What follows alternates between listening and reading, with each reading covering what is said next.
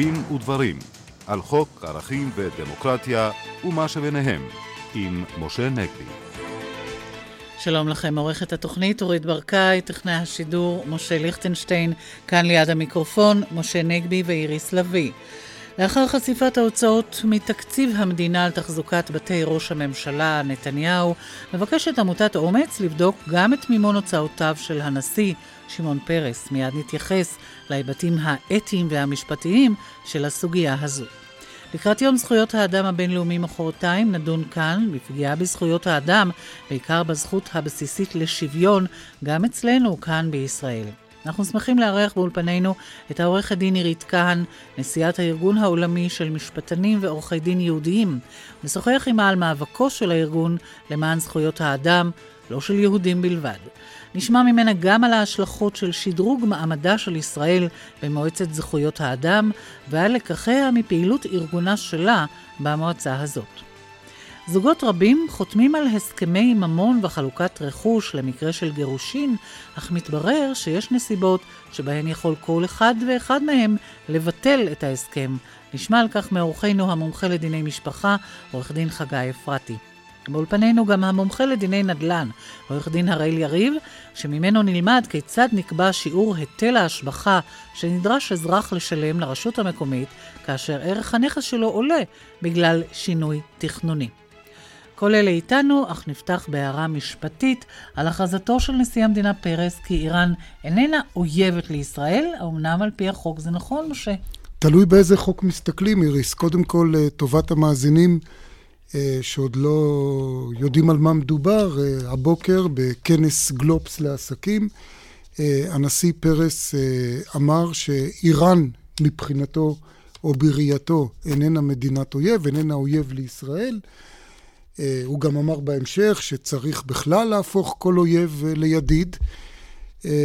אז צריך לומר שההכרזה הזאת לא כל כך מסתדרת לפחות עם חוק אחד בספר החוקים שלנו. וזה החוק שאוסר סחר עם האויב.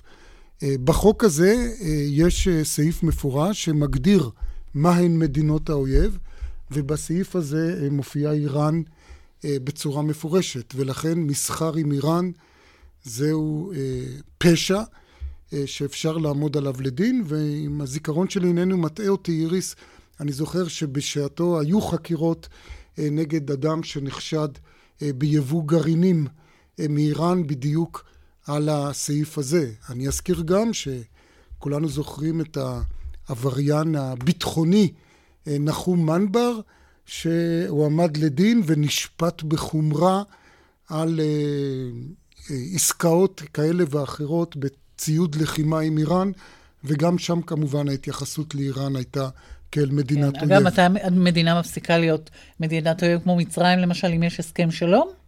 ובכן, אה, גם זה כנראה לא, לאו דווקא כך, משום שאמרתי, תלוי באיזה חוק מסתכלים. אז לפי פקודת הסחר עם האויב, איראן היא מדינת אויב אה, לכל דבר.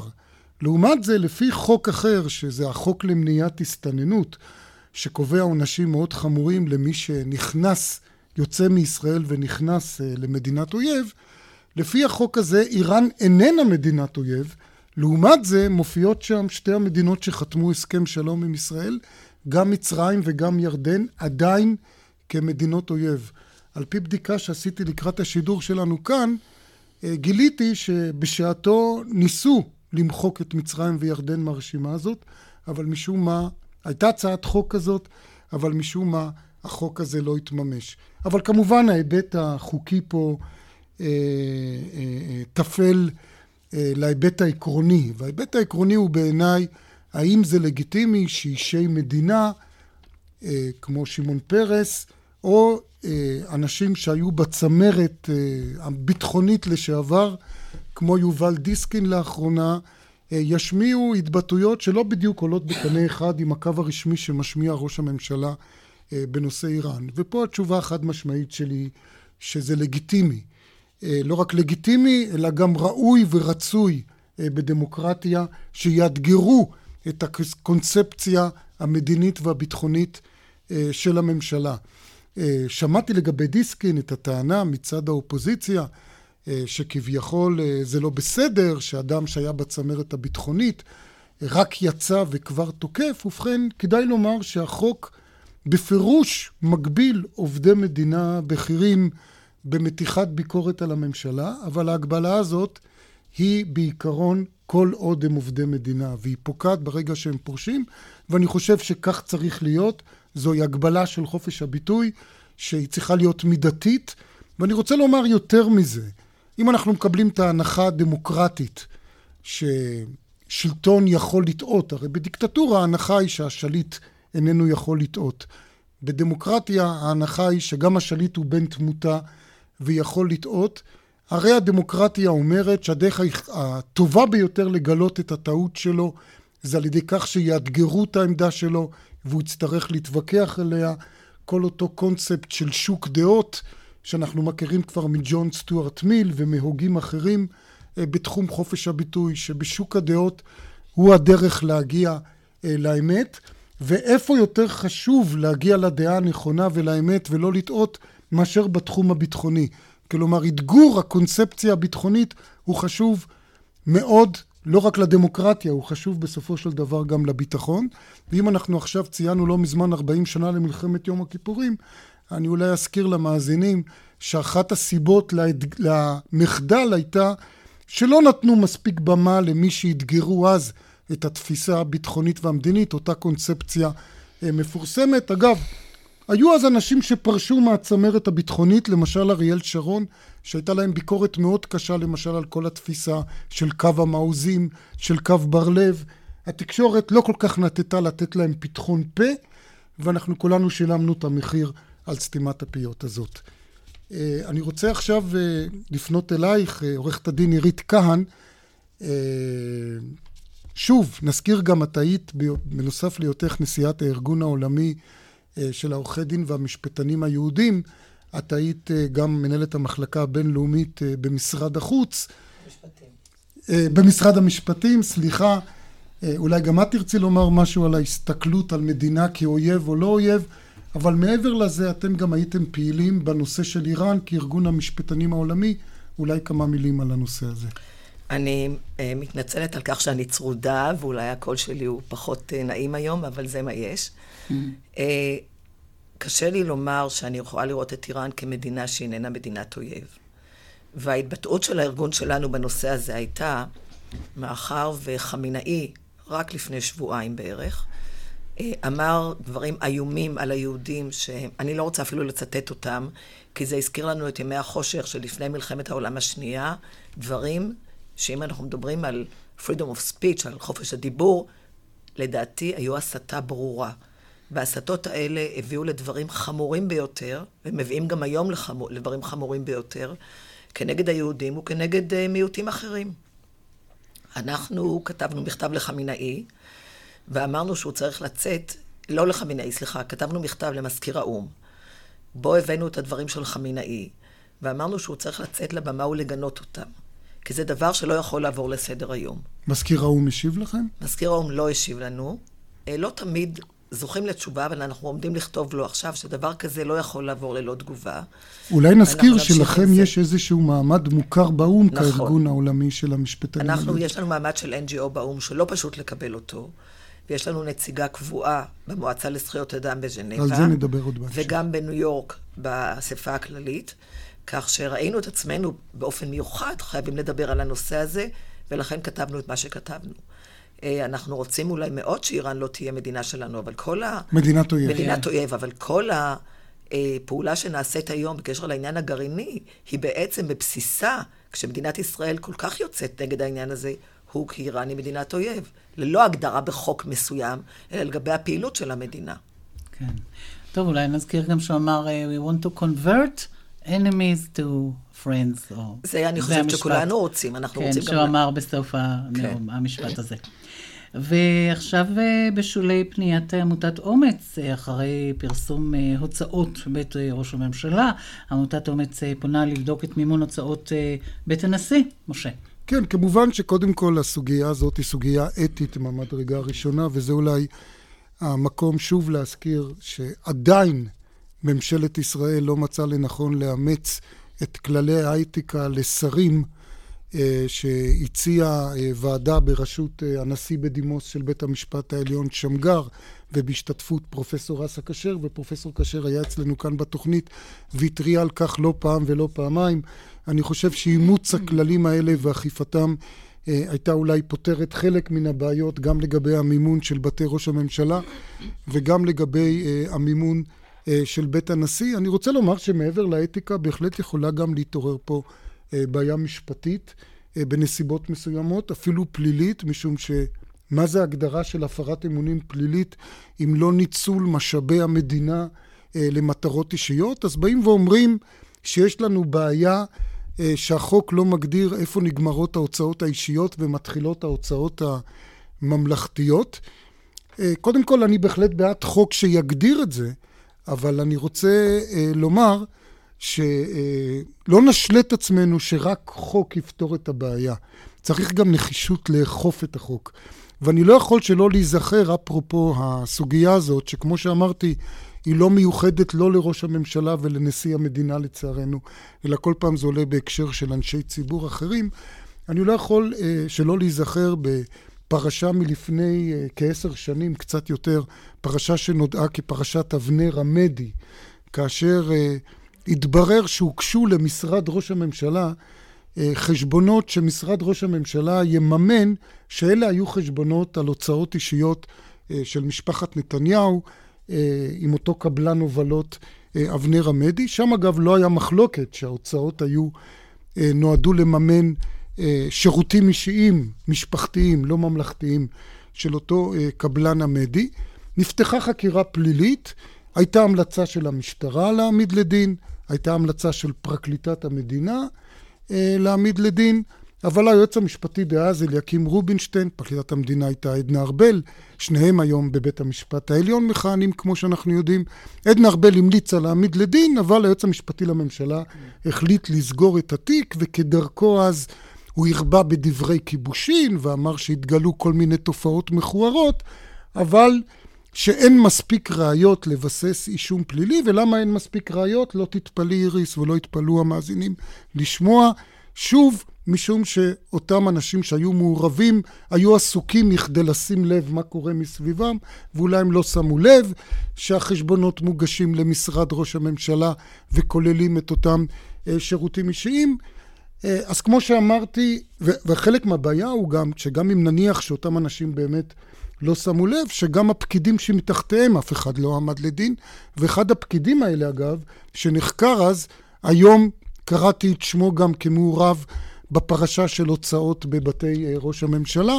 אז לא צריך להתפלא שהלקח לא נלמד, וכמו שאמרתי... אבל בכל זאת, אם יהיה חוק, יהיה אה, קווים ברורים יותר, ויהיה ל- לאור שם... מה ללכת. כרגע זה אמורפי קצת. כן, רוצה להגיד אמרתי, משהו החוק, בעניין אה, הזה? החוק אבל כנראה לא מספיק, כן. כי שם היה ברור ובכל זאת לא נאכף. חגי כן. אפרתי, עורך דין אפרתי? אני רוצה בעניין הזה לומר רק uh, דבר אחד. אפשר לצפות מראש ממשלה, במיוחד מראש ממשלה שמכהן כל כך הרבה שנים, שיהיו לו את הסטנדרטים ואת התפיסות האתיות המתאימות. לא הכל צריך להיות מוסדר בחוק. יש דברים שכמו שאומרים, לא עושים. לא עושים.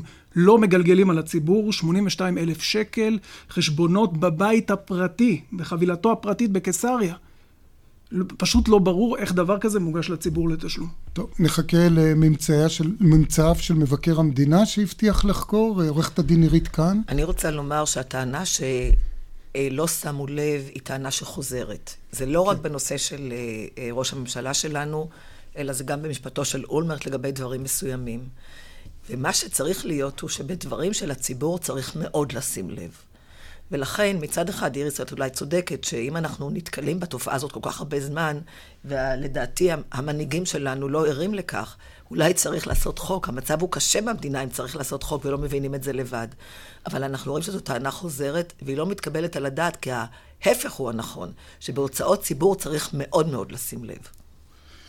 אנחנו עכשיו אל נושא של יום אה, זכויות האדם אה, הבינלאומי, שכאמור אה, יהיה ביום שלישי. נדבר כאן מיד איתך, עורך דין עירית כאן, אבל לפני זה אולי מבט על מצב הזכויות אצלנו, פנימה, זכויות השוויון בארץ. משה, ואתה רוצה להתריע כאן על חוסר שוויון, אם אני מבינה נכון, בייחוד לנשים. כן, תראי, הבוקר התפרסם הדוח השנתי של האגודה לזכויות האזרח, ואני חושב שכל מי שמעיין בו לא יכול להרגיש טוב עם מה שקורה כאן בכלל בתחום זכויות האדם. אבל אני באמת רוצה להתמקד בנושא של השוויון, משום שהשוויון זה אחד הדברים שהתחייבנו אליהם בצורה חגיגית ומפורשת במגילת העצמאות. האבות המייסדים, אני רוצה להזכיר, דיברו על איסור אפליה על בסיס דת, גזע ומין, ולגבי השוויון אגב של הערבים, שגם עליו נדבר בהמשך עם עורכת הדין כהן, אז פעמיים כתוב שהתושבים הערבים ייהנו משוויון חברתי ומדיני אה, גמור, אה, אה, וכיוצא באלה הבטחות נאות. אז קודם כל, למרבה החרפה, עדיין אין לנו בכלל חוק יסוד השוויון במדינת ישראל, שקובע את השוויון כעיקרון חוקתי גורף במדינה. זה פשוט לא ייאמן. העיקרון שכל בני האדם ואפילו כל האזרחים במדינת ישראל אה, הם שווים.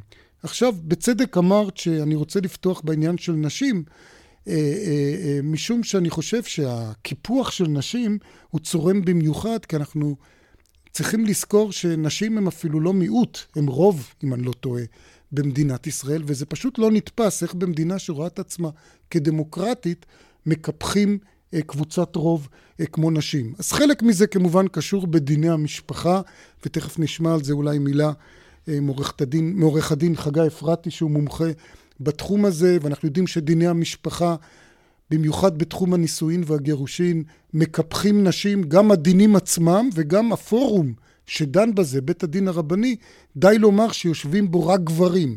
בתיקים שזה תמיד אישה נגד גבר, יושבים רק גברים, לעולם אין דיינת אה, בבית הדין אה, הרבני. אבל יש לנו כמובן את הנושא של אלימות כלפי נשים, שזה כמובן התרת דמן וגופן וחייהן אה, של נשים, שדיברנו על זה לא פעם ולא פעמיים, ושוב, מצב שלא קיים בשום הקשר אחר. כאשר גבר מאיים באלימות כלפי אישה, במקום לכלוא את הגבר, כולאים את האישה, במקרה הטוב, במקלט לנשים מוכות. ואם היא לא מסכימה לכלוא את עצמה במקלט הזה, אז מאשימים אותה אחר כך בזה שהיא נרצחה. כאשר אם הוא היה מאיים על גבר באותו סוג של אלימות, היה ננקט נגדו איזשהו צעד. אכן, כן. אה, עכשיו כמובן כל נושא החפצון או ההחפצה המינית של נשים, ובמיוחד נשים צעירות, וזה בכלל לא מעניין אותי אם הן קטינות לפי החוק, או קצת יותר מקטינות אה, לפי החוק. אה, התייחסות לנערות צעירות, וכולנו מכירים את הפרשות שהיו רק בשבועות האחרונים. אה, בהקשר הזה, סרסור בהן בזנות, צעצועי מין, אה, הפכו ילדות ונערות לצעצועי מין. ואנחנו רואים שאנשים מפורסמים שהיו חלק מהמסיבות, איך קוראות, קוראים להם בלשון נקייה, מסיבות חשק, או באורגיות האלה עם צעצועי המין האלה, ממשיכים כמו כלום להופיע, לקבל תשואות, כולל לצערי ולמרבה החרפה אה, אה, מהתקשורת. ואני רוצה להעיר לבסוף, אולי פה אני גם אפנה לחוות הדעת של עורך דין אפרתי באמת, אני רוצה להעיר לבסוף אה, אה, לגבי העניין הזה שאנחנו שומעים עכשיו שוב, ההצעות לבטל את חזקת הגיל הרך, כלומר את אותו עיקרון שאומר שעד גיל שש, אה, במקרה של פירוד בין בני הזוג, ילד יימסר אה, לאם. אה, אנחנו יודעים ששוב מדברים על כך שיבטלו את זה, או יורידו את הגיל לשנתיים. אני רוצה לומר שבוודאי שלכאורה עקרון השוויון מחייב לבטל את זה, ושיש סיכוי שווה אה, לאב ולאם לקבל את הילד. אבל אנחנו למדנו בפקולטה למשפטים ששוויון עושים בין שווים. וכמו שכבר אמרנו, בסיטואציה היום של uh, החוקית של דיני המשפחה בישראל, אין שוויון בין האישה לגבר, האישה בעמדת נחיתות. זה א', ב', בנושא של הטיפול בילדים, לצערי, שוב, גם במישור החוקי וגם במישור המעשי, אין שוויון, לא בגלל שנשים לא רוצות שוויון, אלא למשל ניקח את הנושא של חופשת לידה. הרי לגבר אין אפילו את האופציה לצאת לחופשת לידה שלושה וחצי חודשים אה, כמו האישה. לכל היותר הוא יכול לצאת לשבוע, וזה על חשבון החופשה אה, של האישה. אז אני אומר, קודם כל תעשו שוויון אה, אה, בזמן הנישואין, ואחר כך תדרשו שוויון בעת הגירושין. עורך דין אפרתי, אולי בנקודה הזאת באמת חוות דעתך המקצועית. כן, אומר זאת כך. נושא זה מוקשה הוא עד מאוד. זה נושא מורכב ביותר, ולא ניתן להגיד בנושא הזה אה, היבטים גורפים. יש, אה, יש אה, צדדים לכאן ולכאן. קודם כל ישבו על המדוכה בעניין הזה שתי ועדות רציניות מאוד, ועדת רוטלוי וועדת שנית. באמת ישבו והמליצו המלצות מאוד מאוד אחרי מחשבה מעמיקה. צריך לומר זאת כך, מצד אחד, המצדדים בביטול החזקה בעצם מדברים על מצב אוטופי. במצב אוטופי, במדינה תקינה, אין שום סיבה שיהיה הצמדה אוטומטית בין האם לילד. זה בנוי על תפיסות מיושנות, מיושנות מעט, אנכרוניסטיות, שהאישה והילד זה קשר אה, יוצא דופן, אני לא אומר שזה לא נכון, אבל אלה תפיסות מעט מהותניות. רואים גם אבות עם, מאוד קשורים לילדים. מיד נדבר כן. על האבות. והטענה מהצד השני אומרת, הטענה נגד הביטול אומרת, שמצבה של האישה כל כך ירוד במערכת הזאת, היא כל כך מופלית, במיוחד ככל שזה נוגע, כמו שאמר משה לבית הדין הרבני, שאם אתה נוטל את זה ממנה, את, את חזקת הגיל הרך, בעצם אתה מאפשר סחטנות מצד הגברים, שעכשיו הם יודעים שהם ידרשו, הם ידרשו משמורת, עכשיו יהיה הליך של שנתיים, שנתיים ימים לפחות של הליך כואב, קורע, פוגע קשות בילדים, הילדים יהיו תחת אש, ובעצם זה מכשיר סחטנות, זה מכשיר כדי להוציא ויתורים, כדי להוציא ויתורים מה, מה, מהאנשים. מה שקורה הוא שבאמצע, בין שני ההסברים האלה, יש את הגברים, שיש להם כשירות מצוינת להיות הורה, להיות ההורה המשמורן. איך באמת מונעים את הקיפוח שלהם? אוקיי, אז בעצם מה, ש, מה שהציע זהבה גלאון לאור ההצעה לבטל באופן גורף את החזקה, הציע זהבה גלאון איזה מין תקופת ביניים, הוראת שעה, שבה ייבחן ההסדר. יראו לפי קריטריונים מאוד מאוד ברורים, קריטריונים בעיקר שהכותרת שלהם היא טובת הילד, יראו מיהו ההורה המשמורן המתאים, יעשו הליך הדרגתי, יבחנו, יבדקו, ורק לאחר שיהיו מסקנות מסודרות, ניתן יהיה להחליט האם לבטל את החזקה, האם לעשות משהו בין, למעשה... מההיכרות שלך עם בתי המשפט לא למשפחה לא היום, זה ריאלי? בתי... הם ערוכים לזה בכלל, לבדיקה כזאת? אז בוא נאמר כך, בתי המשפט לענייני משפחה, אני מניח שיכבדו איזה... הסדר שיביאו לפניהם. מי שצריך לעשות פה את העבודה זה משרד המשפטים, ושם אני סקפטי האם הוא מסוגל ורוצה לקחת על עצמו את המשימה. אנחנו נעשה עכשיו הפסקה לפרסומות, לעדכון חדשות, ונחזור אליכם אה, אחרי כל אלה כאן בדין ודברים. פרסומת.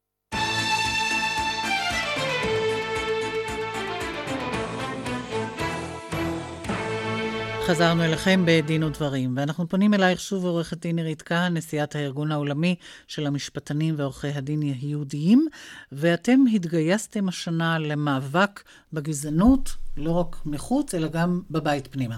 במה מדובר? נכון, לפני זה, איריס, אני רוצה רק להגיד אה, דבר אחד שהוא בחוץ. כי אנחנו, השם שלנו עורכי דין אה, יהודים, אבל הארגון הזה פתוח לכל מי שמזדהה עם מטרותיו. יש לנו גם חברים שהם לא יהודים, לא הרבה, אבל ישנם גם כאלה.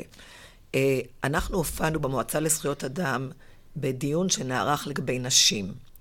ושם ניסה, היה רפורטר שניסה להראות שנכון שישנן מסורות בחברות מסוימות שאומרות כך וכך אנחנו עושים עם נשים. יש מילת נשים, יש דברים אחרים. אבל יצאנו כנגד זה.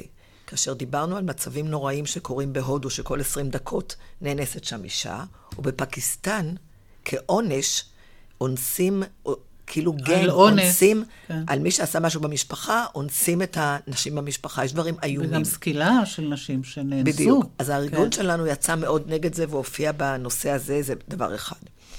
הדבר השני הוא עניין של תג מחיר, שרק היום הייתה תופעה של תג מחיר. במנזר, איפה זה היה? אני לא זוכרת, אבל פרסמו את זה היום ברדיו. התופעה הזאת של אה, תג מחיר היא דבר שאיננו מתקבל על הדעת. והארגון שלנו ערך יום עיון בנושא הזה, שהיה בו מוטה קרמניצר והרב יובל שרלו, ודובר על התופעה ועל השפעת רבנים. בהמשך לנושא של תג מחיר, הוגשה עתירה על ידי 11 ארגונים פלורליסטיים יהודיים דרך אגב, גם אסא כשר הוא חלק מהעותרים, ואחותו של יצחק רבין ז"ל. והעתירה היא כנגד היועץ המשפטי לממשלה, שהחליט שלא להעמיד לדין את כותבי תורת המלך. נזכיר אולי שזהו ספר שבעצם נותן אה, הכשר הלכתי אה, לפגוע בערבים, והוא קיבל הסכמות מרבנים מאוד בולטים בציונות הדתית. זהו, בספר לא כתוב ערבים, כתוב גוי, וכתוב, הוא בעצם מתרכז בדיני נפשות ודיני מלחמה. כן. הספר הזה הוא ספר קשה.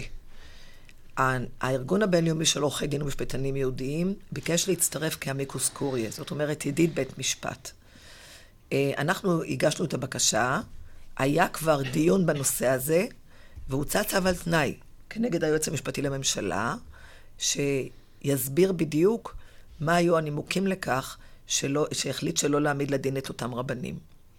אה, אנחנו התבקשנו, בעצם עוד לא הוחלט לקבל אותנו כידידי בית משפט, אבל נתנו לנו זמן עד ה-31 בדצמבר כדי להגיש חומר שיסביר למה אנחנו כארגון בינלאומי יכולים וראוי שהוא יתקבל על ידי בית המשפט. ואנחנו עובדים הרבה מאוד על החומר הזה, שהוא מבוסס גם על חלק כללי שאומר מה קורה בעולם, ולמה להחלטה של בית משפט עליון שלנו יש משמעות לא רק בארץ ישראל, אלא מחוץ לארץ ישראל, ובדיוק כמו ש... את אומרת, זה בעצם מחזק את הבסיס המוסרי של המאבק שלנו בעולם נגד אנטישמיות ונגד הסתה אנטישמית. מאוד, ויש לבית המשפט העליון שלנו אחריות בנושא הזה, ואותם דברים אפלים. תראו, בכתובים שלנו יש דברים שהם לא נעימים ולא, ולא, אבל הדברים האלה מוסברים על רקע התקופה שבה הם נכתבו. אם היום מביאים את הדברים האלה, בעצם מסכלים את כל מה שנעשה במשפטים כנגד הסתה יהודית בעבר, שדובר על תקופות מסוימות. וזה דבר מאוד מאוד מסוכן. ולכן אנחנו חושבים שצריך להילחם בזה בחורמה. יש לזה משמעות לגבי הסתה, כמו שאמרת, לגבי יהודים בחוץ לארץ. עורך, מאוד. עורכת הדין כאן, אני רוצה שוב לנצל את נוכחותך כאן. אנחנו שמענו בשבוע, שבועיים האחרונים, בשורה תכף תגידי לנו עד כמה זו בשורה, שמשדרגים את מעמדה של ישראל אה, במועצת זכויות האדם בז'נבה. אנחנו יודעים שהארג... שהמועצה הזאת היא באופן מסורתי מאוד עוינת לישראל. יושבות שם מדינות שבוודאי לא יכולות להטיף זכויות אדם לאף אחד, גם לא לישראל, אה, אה, ומדינות עוינות לישראל. ואולי המאזינים לא יודעים, אבל אתם, הארגון שלכם, של המשפטנים ועורכי הדין היהודים, בהנהגתך, כבר מיוצג במועצה הזאת, מדבר שם כל הזמן, יש לכם נציגה שם, כבר הזכרת את זה קודם, אז מה דעתך על השדרוג הזה, ואיך את רואה את ההשלכות של המהלך הזה? בואו נסביר מה זה השדרוג. אני חושבת שיש אי הבנה בקשר לעניין הזה. במועצה יש 47 מדינות חברות. יכולים לבחור לחברות במועצה רק מישהו באזור גיאוגרפי מסוים. ישראל מעולם לא התקבלה לאסיה בגלל הרוב של מדינות ערב שהתנגד לכך. עכשיו, בגלל ישראל... בגלל זה אנחנו גם בכדורגל באירופה. זה פחות אני מתמצאת. ובאירוויזיון. ועכשיו היא התקבלה למדינות המערב. כאשר היא התקבלה למדינות המערב, היא יכולה להיבחר להיות חברה במועצה. ובתור שכזאת, היא יכולה להעביר הצעות לסדר היום, היא יכולה באופן, אה, אנחנו לא רואים שזה מציאותי, להיבחר לנשיאת המועצה, לסגן נשיא המועצה, להעלות הצעות לסדר היום, להוריד דברים מסדר היום. זאת אומרת שהיום אנחנו שודרגנו מבחינה הזאת שיש לנו זכות להיבחר.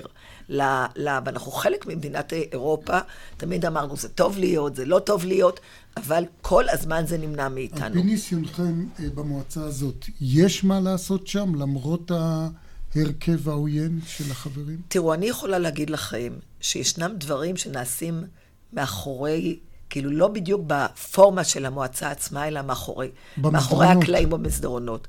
ולא פעם אחת, אחרי שהנציגה שלנו, תום גל קוראים לה, והיא אה, בז'נבה עושה דוקטורט במשפט בינלאומי, הופיעה בצורה יחסית מאוזנת, כי זאת הייתה השיטה שלנו במועצה לזכויות אדם, פנו אליה מדינות אחרות. פנה אליה עיתונאי סורי, לאחר שדיברנו למשל על זכויות האדם בסוריה. זה דבר קטסטרופלי. וקראנו ל... להינתק מהדברים של המלחמה, אלא לדאוג לזכויות אדם הומניטרי. בסוריה. הומניטרי, בדיוק. אז מאחורי הקלעים, לעבודה הזאת יש משמעות גדולה. נכון שבאופן, כשאנחנו רואים את הרוב עצמו, זה קשה, אבל אל תסק... אל ת... לא צריך לשכוח שמדינות המערב, כולל האיחוד האירופי, החליטו שלא להשתתף כאשר. ישראל נחקרת כל שנה בנושא של הזכויות של הפלסטינאים. הם הודיעו שהם לא יהיו שם. אלה דברים משמעותיים לגבי מדינת ישראל. אני רוצה, אני לא יכול לסיים שום שיחה איתך, עורכת הדין עירית כאן, בלי להזכיר נושא כאוב ביותר שאתם עוסקים בו כבר הרבה שנים ולא מצליחים לצער כולנו, הנושא של עודה תראבין, אותו ערבי ישראלי, בדואי ישראלי בעצם, שמוחזק במצרים כבר כמה שנים? 12. ללא שב... משפט? ללא משפט, דבר נורא. מה קורה עם הסיפור הזה? תראה, אנחנו פנינו לוועדה מיוחדת במועצה לזכויות אדם שעוסקת במעצרים בלתי חוקיים. העברנו את כל המידע שיש לנו, והוועדה החליטה שהמעצר שלו הוא בלתי חוקי, שהוא צריך להיות משוחרר מיד ולהיות מפוצה. מצרים צפצפה על העניין הזה. אנחנו לא עזבנו את זה, ופנינו עכשיו לוועדה נוספת, ואמרנו, מה הטעם של כל העניין הזה? אנחנו מעלים את זה כל פעם, אנחנו שוקלים להביא את אחיו לשם, ואנחנו כל הזמן מנג'סים, כמו שאומרים, אבל לצערי הרב עדיין לא הצלחנו. עורכת הדין עירית כהן, אני מאוד מודה לך על הדברים האלה, נשיאת הארגון העולמי של המשפטנים ועורכי הדין היהודיים. וגם על המאמץ לבוא עם הגרון הצרום. ונזכיר שוב שמחרתיים יום זכויות האדם הבינלאומי. אנחנו נצא להפסקה קצרה של פרסומת שתי דקות, מיד חוזרים כאן בדין ודברים.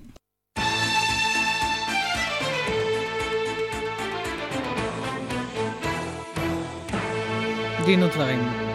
זוגות רבים כבר חותמים על הסכם ממון האמור לקבוע את גורל רכושם במקרה של גירושין, אבל אתה, עורך דין חגי אפרתי, מספר לנו שגם הסכם כזה ניתן לביטול, אבל נראה שאף אחד לא יודע את זה.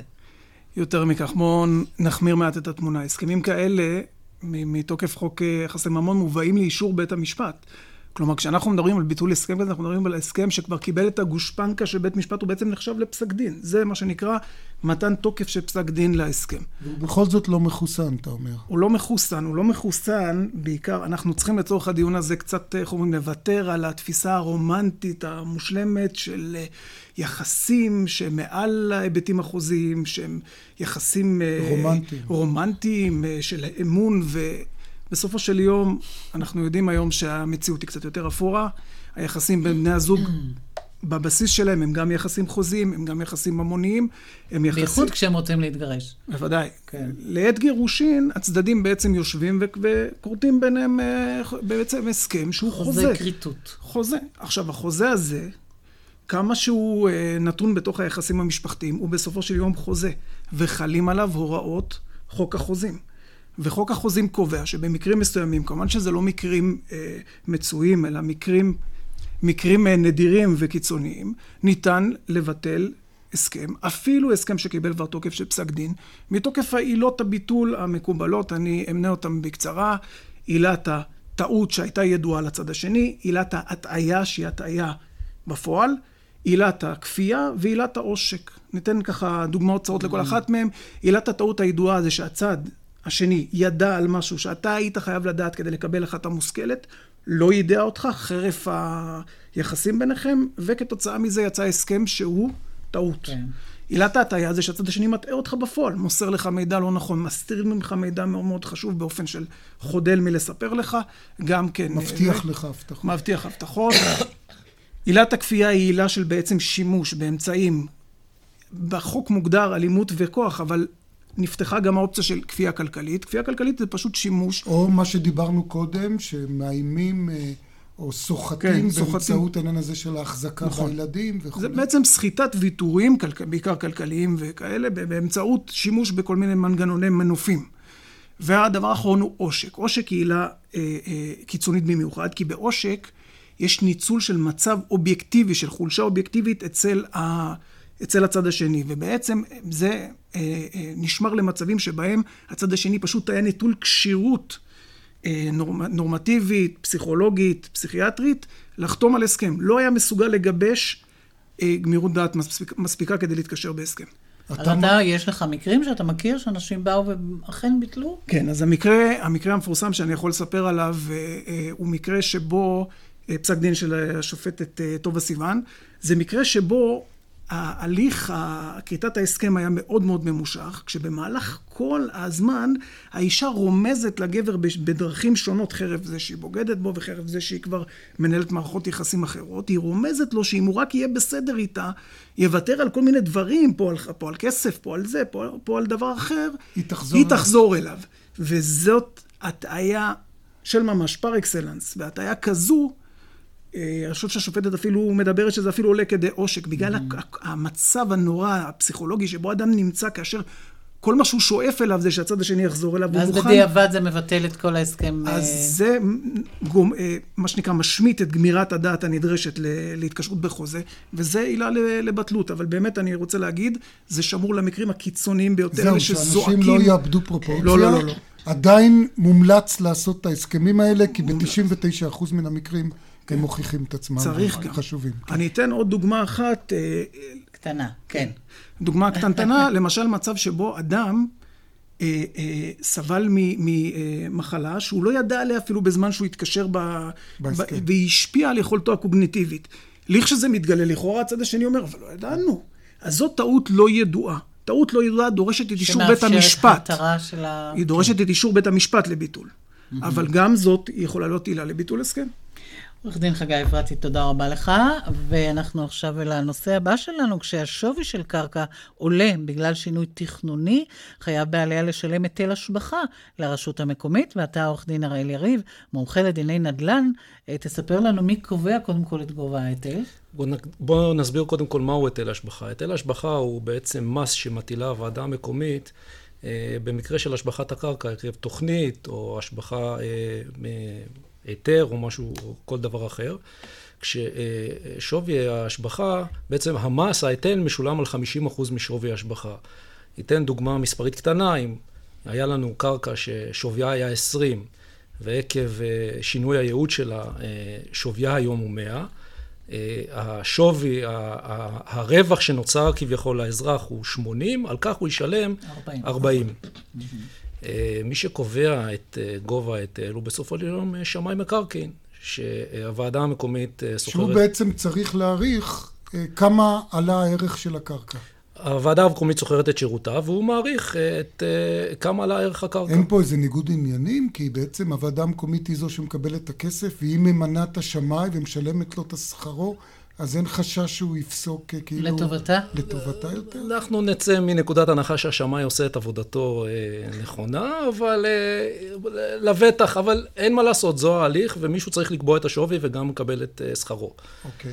הבעיה נוצרת כשבא האזרח ומבקש אה, אה, לערער על אותה שמאות, ובזמן האחרון, אה, בכמה מקרים, נוצרה בעיה. הבעיה נוצרת אה, מעצם הפרוצדורה. הפרוצדורה היא כזאת שאזרח שמבקש אה, להגיש שומה נגדית, מגיש בעצם שמאות מטעמו, וכרגע... בדרך כלל האזרח יבוא כן. ויטען שהקפיצה לא הייתה כזאת. נכון, השווי הוא נמוך יותר, או אין שווי, או, כן. או ייתן מספר אחר.